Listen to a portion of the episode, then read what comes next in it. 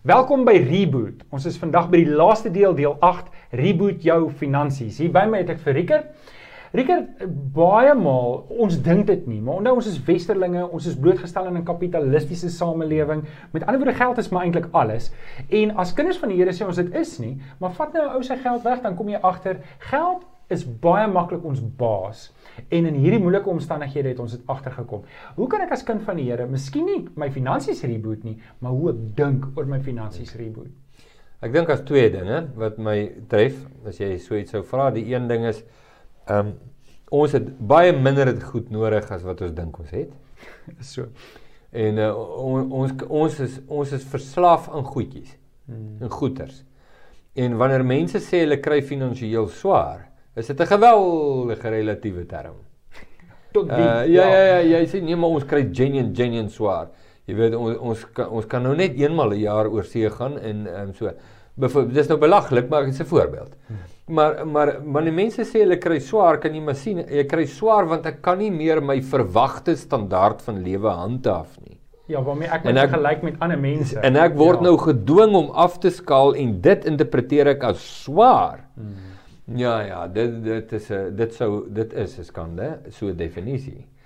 Uh en ons moet dit leer. Hmm. Ons is ver meer verknog aan ons ou goedjies en standaardjies en verwagtinge en so aan en so aan en so aan so 'n lang lysie uh, as wat ons dink. Eerste punt.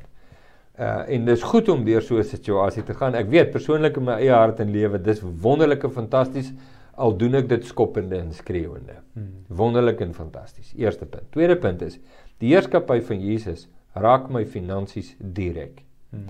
En ons is gewoond daaraan om nie Jesus as Here van ons finansies te hê nie. Behalwe hmm. wanneer ons voel ons het nou tekort. Ja. Dan moet hy nou Here, hy is my voorsiener. En hy gaan my help. sien dan dan is Jesus in die prentjie. Maar as hy nou klaar gevoorsien het, dankie. Ek gaan nou self hieraan. Hmm. Maar 'n baie belangrike deel van disippelskap is om te leer wat is die seggenskap van Jesus in my sak hmm. by my geld. En en en ons luister na miljoene ander stemme. Ons luister na beleggers. Ek sê beleggers is, is verkeerd nie, maar as die beleggers die bepalende faktor in jou lewe is, in plaas van Christus jy 'n probleem. Ja. Right? Ek moet leer hoe klink Jesus se stem by my finansies. En uh, en dit mag beteken dat ek dat Jesus van my vra om af te skaal. Geweldig en drasties, die ding wat ek nie wil doen nie. Almal wil opskaal, niemand wil afskaal nie. En dit mag wees dat disippelskap my juis soen toe neem. Ja. En dit mag wees dat dit is wat baie mense nou beleef in hulle lewe en dat dit wat hulle beleef as as verskriklik is eintlik baie liefdevol. Dit is 'n gewellige sterk kontras, ek ja. verstaan dit maar dit kan wees dat dit eintlik die genade en liefde van die Here is om ons deur sekere goed te vat om ons te stroop van die frille en die nonsens waarmee ons onsself so hmm. ehm um, toewikkel, jy weet, omdat omdat hy ook weet wat die toekoms inhou. Ja. sien. Weet nie of dit vir jou 'n antwoord is nie. Dankie Rikert. Dis reboot jou finansies saam met Rikert. Dankie Rikert. Dankie.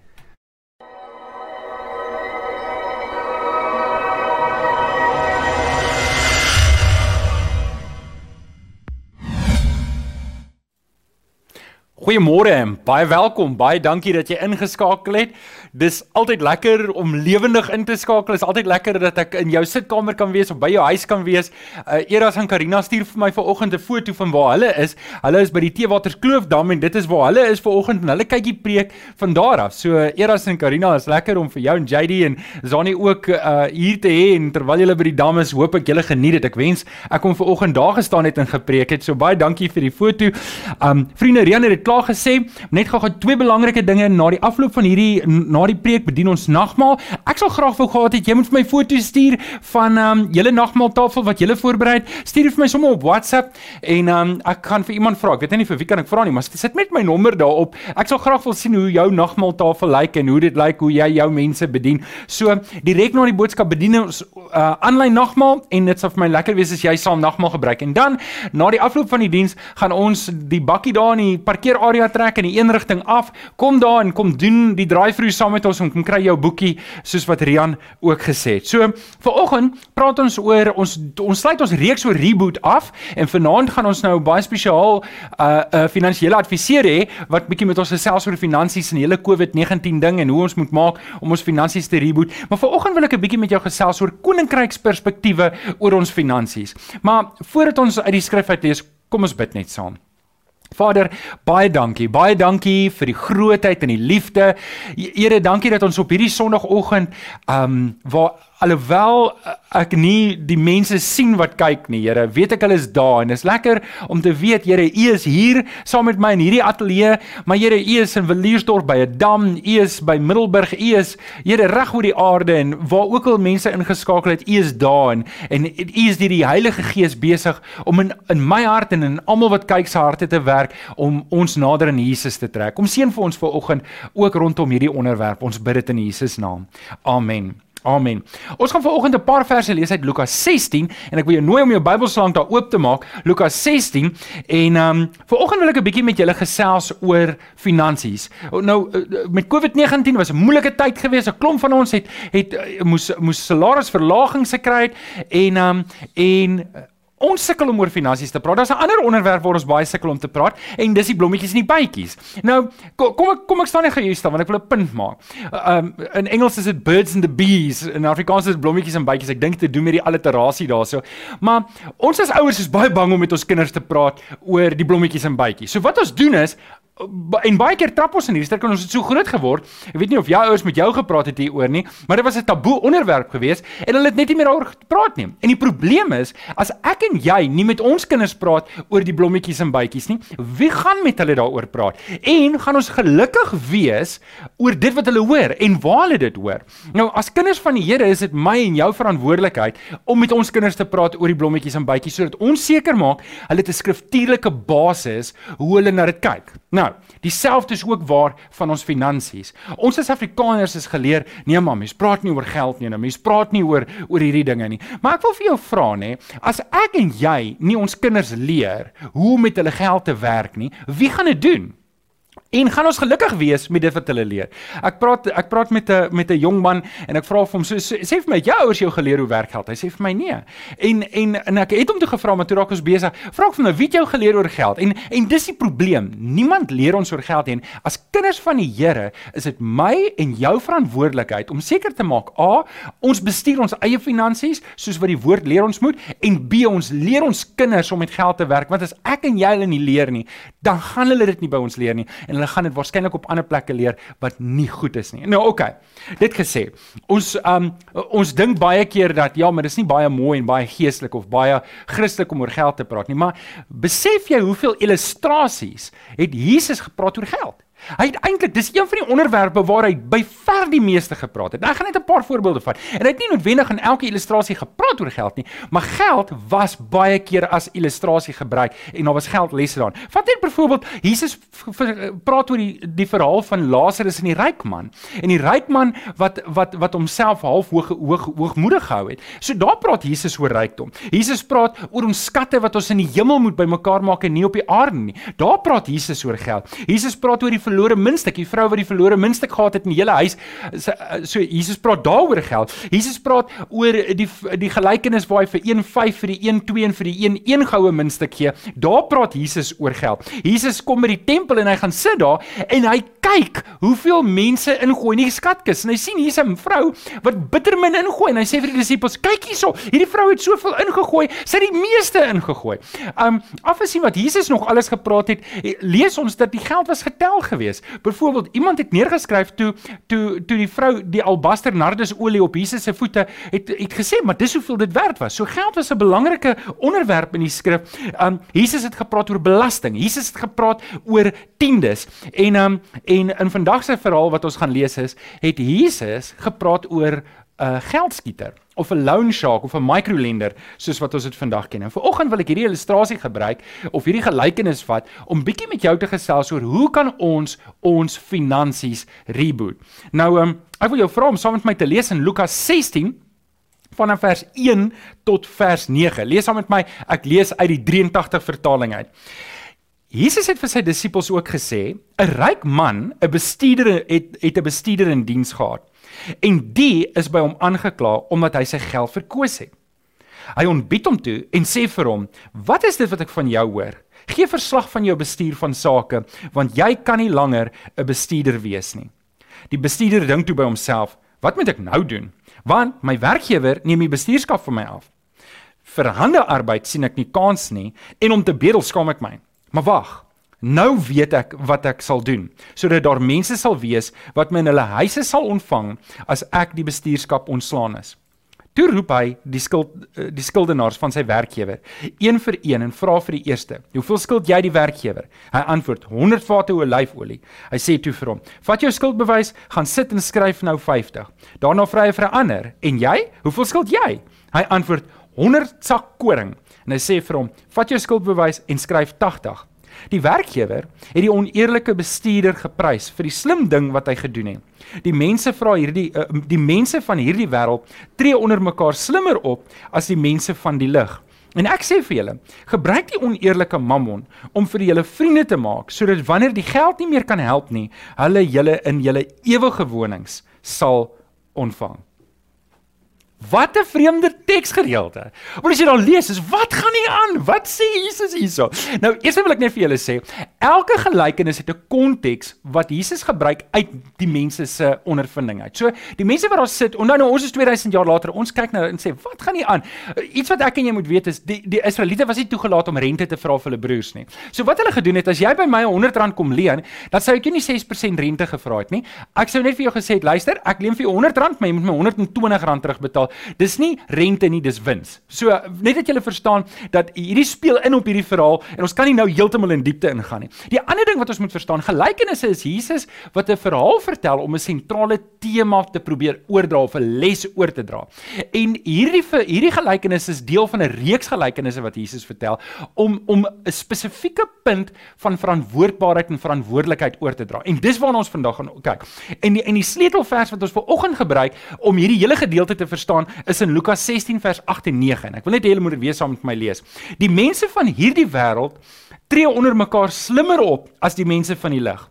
En ek sê vir julle, gebruik die oneerlike mammon om vir julle vriende te maak, sodat wanneer die geld nie meer kan help nie, hulle julle in die ewige wonings sal ontvang. Wat sê Jesus hierso? Jesus sê ek en jy moenie dom wees met ons bronne nie. Ek en jy moet slim werk met ons bronne. Dis wat Jesus Jesus sê vir hulle vir die volgers daar. Luister, die mense van hierdie wêreld werk baie slim met hulle geld. Dis snaaks en ek dink dis waar dat die oomblik as 'n mense gelowig is, dis asof hulle dom raak oor geld. Hulle dink nie oor hulle geld nie.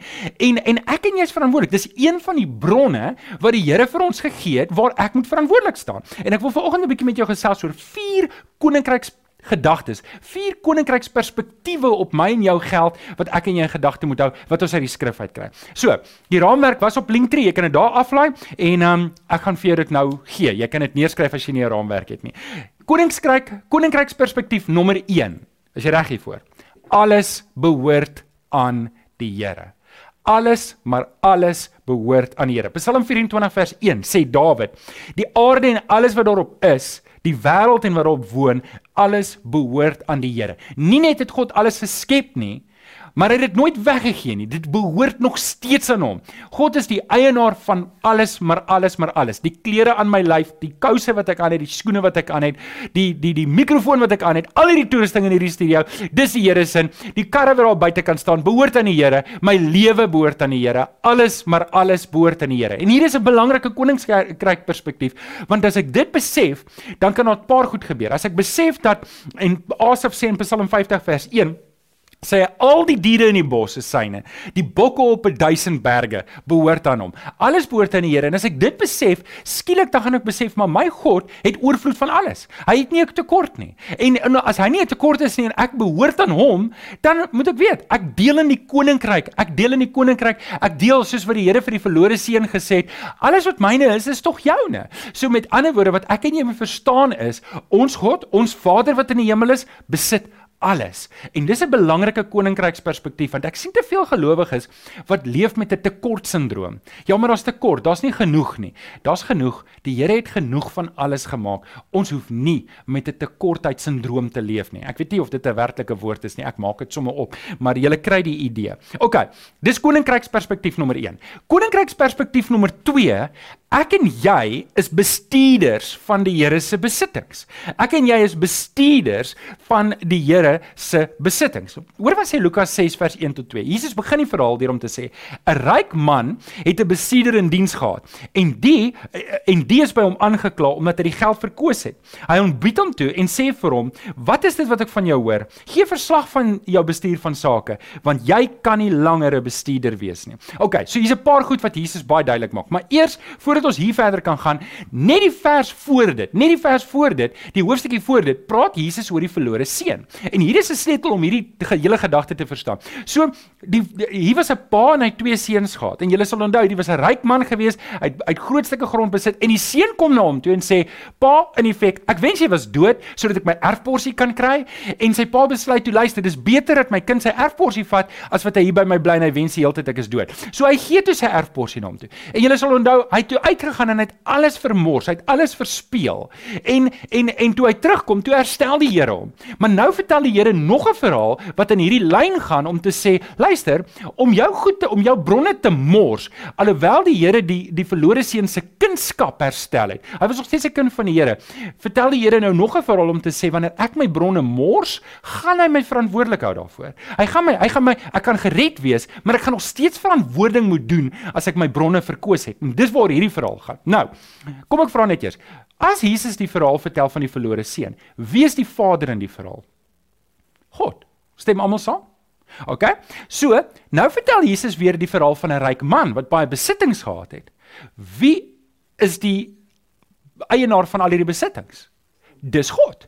So, wie staan die bestuurder in hierdie verhaal? Wel, dis ek en jy. So, as ons daai parallel kan trek en waar die eerste verhaal van die verlore seun is om te sê God verwelkom jou en my heeltemal terug as ons terugkom na hom toe as ons foute gemaak het, gaan hierdie daaroor dat ek en jy moet nog steeds die prys betaal vir as ek my my bronne en my geleenthede vermors het. So, wat ek en jy moet verstaan, koninkryk koninkryksperspektief nommer 2 is ek en jy is bestuurder van die besittings wat die Here vir ons gegee het. Ek en jy is net bestuurders van alles wat die Here vir ons gegee het. So, hierdie liggaam, dit behoort nie aan my nie. Ek is net 'n rentmeester. Dit is net aan my geleen. Ek is die bestuurder van hierdie liggaam. My gesondheid is is net aan my geleen. Dit is nie vir my gegee nie. Dit behoort nie aan my nie.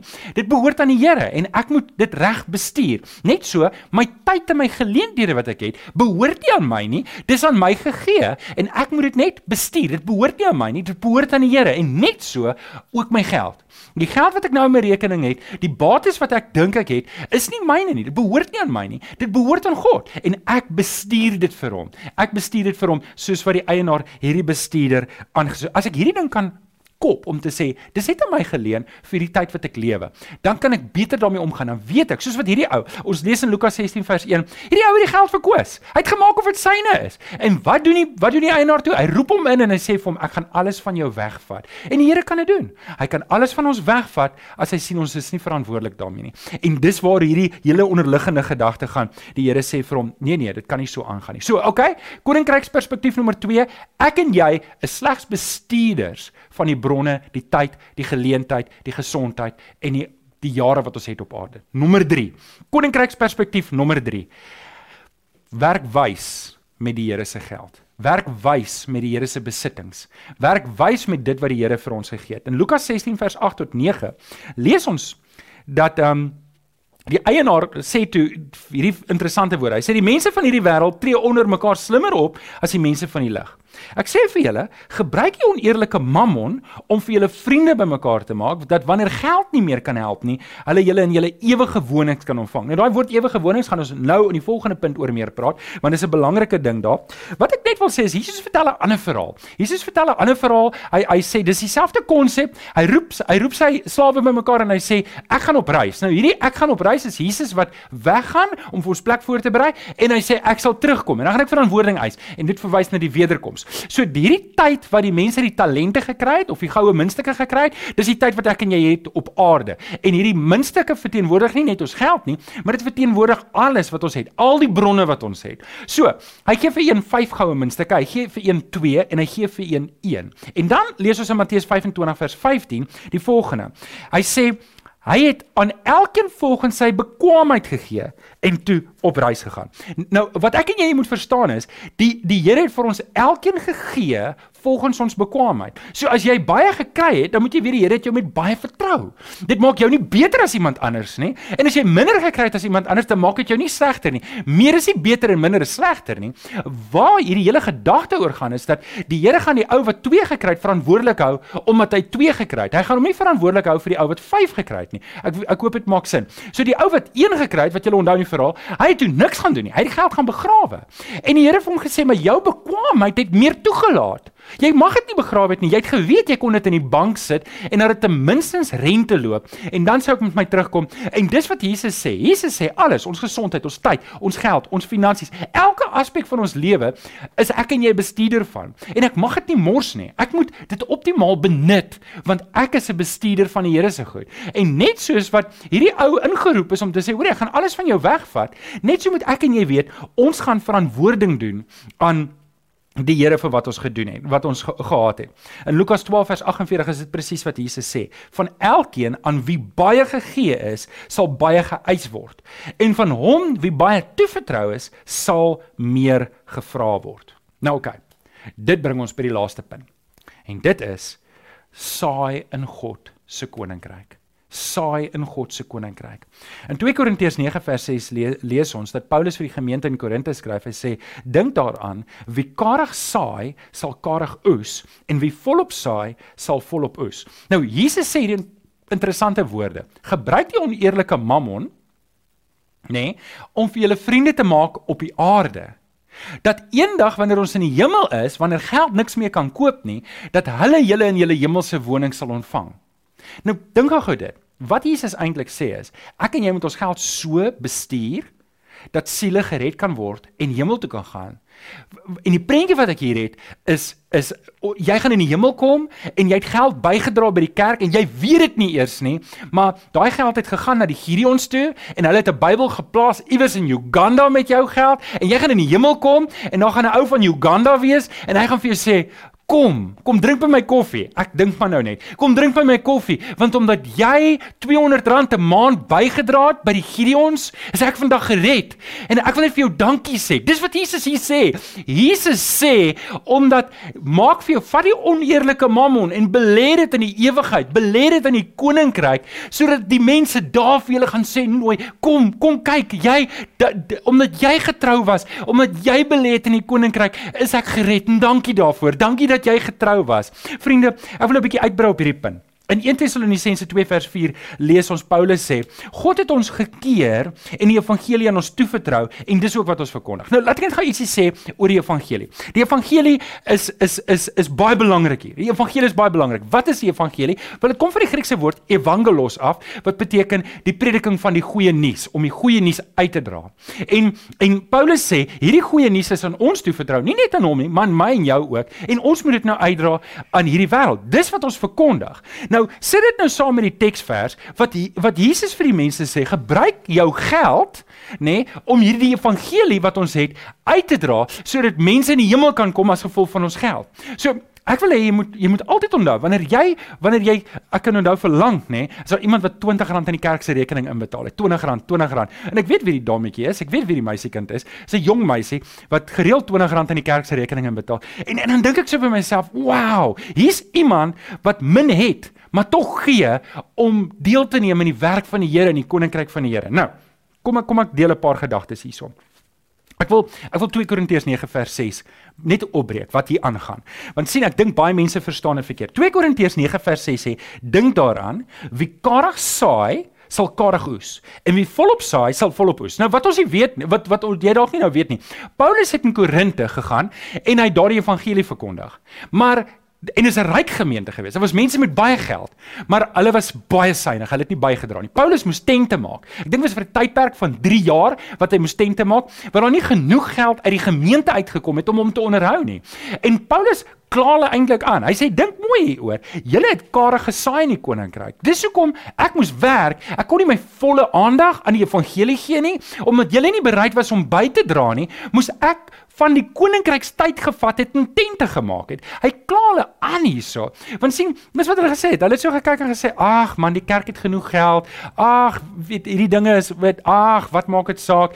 En nou raas Paulus met hulle en sê, "Nee ouens, dit kan nie so wees nie. Toe ek by waar julle was, het julle my nie gehelp nie. Julle het my nie bygedra nie. Ander mense moes my help en ek moes my eie lewensonderhoud dra." En en dan sê hy vir hulle, "So hierdie gaan nie oor my persoonlike finansies nie. Gaan nie oor dat as ek baie vir die kerk gee, dan gaan ek nou 'n grand kar kry. Dis glad nie. Glad nie wat hier gebeur nie. En as jy in 'n kerk is waar as jy baie geld gee en die predikant kry 'n grand kar, wel, dan moet jy heroorweeg waar jou geld gaan. OK. Was nie in my notas nie. OK. So, kom ons vat een stapie terug. Een stapie terug. Ons het in ons land 29% van die mense wat identifiseer as Christene. Dis 2,4 miljard mense in die wêreld nou. Ek dink daar's iets so 6,9 biljoen of 7,2 biljoen mense in die wêreld. Maar 2,4 biljoen mense identifiseer as Christene. Nou, ek sê nie almal is gelowiges nie, want jy weet daar's mense wat identifiseer as gelowiges, maar hulle het glad nie 'n verhouding met die Here nie en hulle lewe wys die teendeel.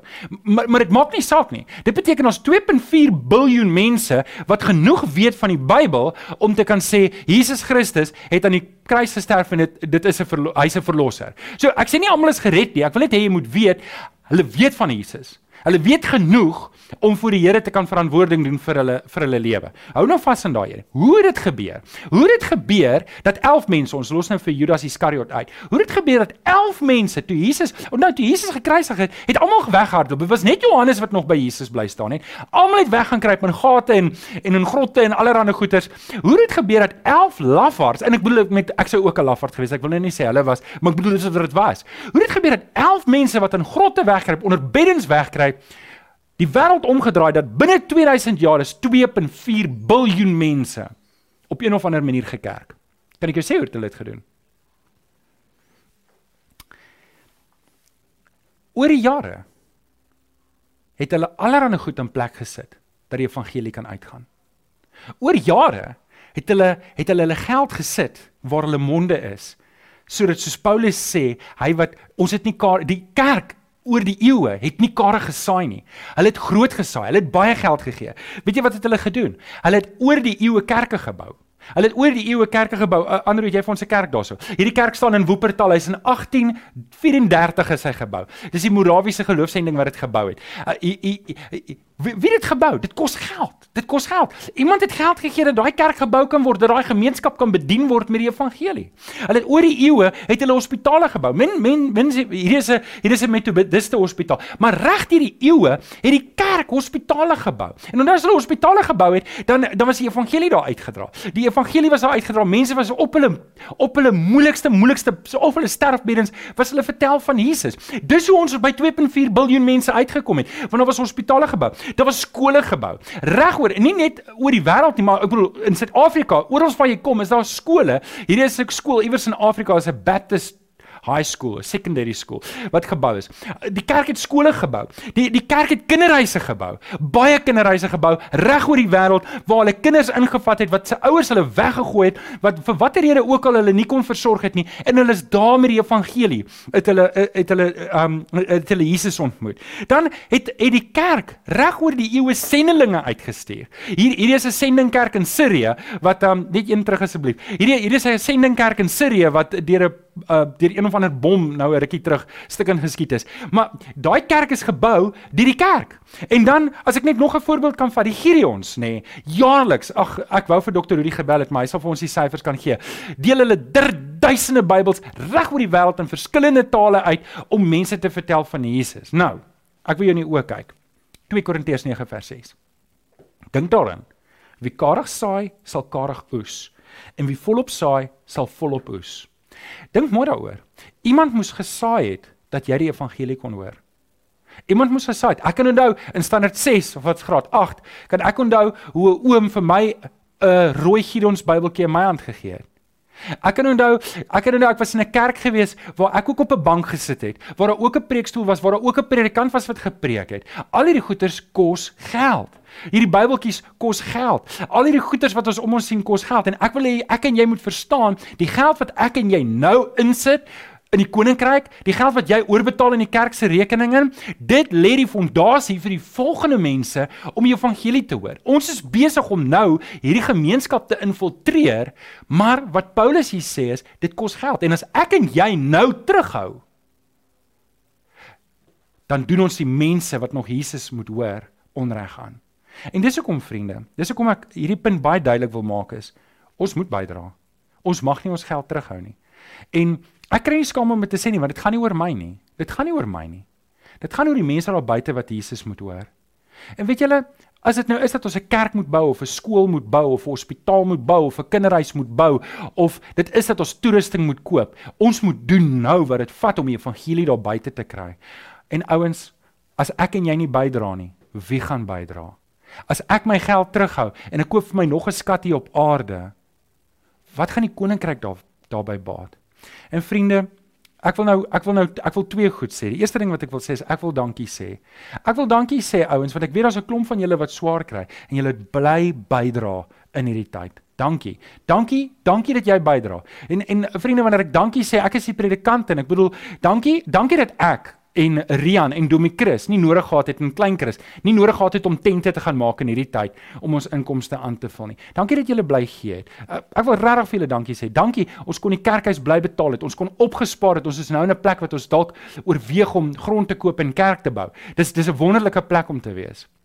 Maar ek wil aan die ander kant ook sê, dalk kyk jy nou en en jy dra glad nie by nie en jy het vermoë, die Here het vir jou bekwam gemaak dan wil ek vir jou sê, wil jy nie oorweeg om by te dra nie? Wil jy nie vir ons help nie? Weet jy, ons het ons het die werk om die evangelie nou uit te dra na buite toe. Dis nou ons beer, dis nou my beer. Iewers het ek die evangelie ontvang omdat iemand anders betaal het. Nou is dit my en jou beer. Weet julle, ek is so dankbaar vir ons gemeente. Ons dra by by Sprouting Minds. Ons dra by by Parel gemeente. Ons dra by by Gideons. Ons het ander goeders waarby ons betrokke is wanneer mense hier by ons deur opdaag en hulle het nood. Maar weet julle wat droom ek? Ek droom dat ons 'n stuk grond koop en ons bou ons eie gebou. Dis sê maar wat help dit? Weet julle ons dit help vir die volgende generasie wat kom. Dit maak 'n verskil. Maar weet julle wat? In Bloemfontein het ons 5 jaar gevat. 5 jaar toe ons al daai geboue afbetaal. En weet jy wat maak my so trots van daai gemeente? En ek bedoel trots in die Here, trots nie oor mense nie. Is dat hulle hulle hulle koop, hulle het 'n huis gekoop. Hulle het 'n huis gekoop en hulle het 24 kinders daar wat hulle die hele gemeente onderhou het. Ek droom ons gaan ook 'n kinderhuis bou. Ek droom ons gaan ook 'n sending um 'n sendeling in die wêreld sit. Ons het nou ons het nou 'n hele klomp studente in ons gemeente wat teologie swat en ek is baie opgewonde daaroor. Ouens, ek kom vra vir jou mooi. As jy kan, moenie jou geld terughou nie. Belê saam met my in die koninkryk. Belê saam met my dat soos Jesus sê, dat wanneer ek en jy in die hemel is, dat daar 'n ou van Uganda, dat daar 'n ou van Portugal, dat daar 'n ou van Brasil en van Argentinië, ek weet nie van waar nie, vir jou gaan sê dankie. Dankie dat jy bygedra het. Dankie dat jy dit moontlik gemaak het dat iemand vir iemand kon vertel het wat vir iemand vertel het wat vir my vertel het dat ek Jesus kon aanneem. Vriende, dit is nou ons werk. Ons staan verantwoordelik om die evangelie uit te dra. Ek wil vir jou bid. Ek wil vir jou bid. Mag die Here vir ons seën met hierdie dat ons besef, this is our time to shine. Kom ons bid saam. Vader, ek dank U. Ek dank U Here vir die gawe wat ons het om in hierdie tyd te kan lewe. Maar Here help vir ons om al ons bronne, of dit ons tyd of ons geld of ons of ons gesondheid, Here of die geleenthede wat ons het, dat ons net sal besef maar ons is bestuurders daarvan. En ons moet die beste maak van wat U vir ons gegee het, Here om ook te belê in die koninkryk sodat mense na Jesus toe kan kom. Here, waar ons nou ook nagmaal gaan gebruik om vra dat U vir ons sal seën. Here, dat U deur die Gees ons oë weer sal rig op Jesus Christus. Ons dankie, Here. Ons kom vra dit in Jesus naam. Amen. Amen. Vriende, ons gaan nou regkry om nagmaal te bedien. Gee ons net 'n oomblik en um, ons is nou by jou, dan bedien ons jou met nagmaal. Dankie, Rian.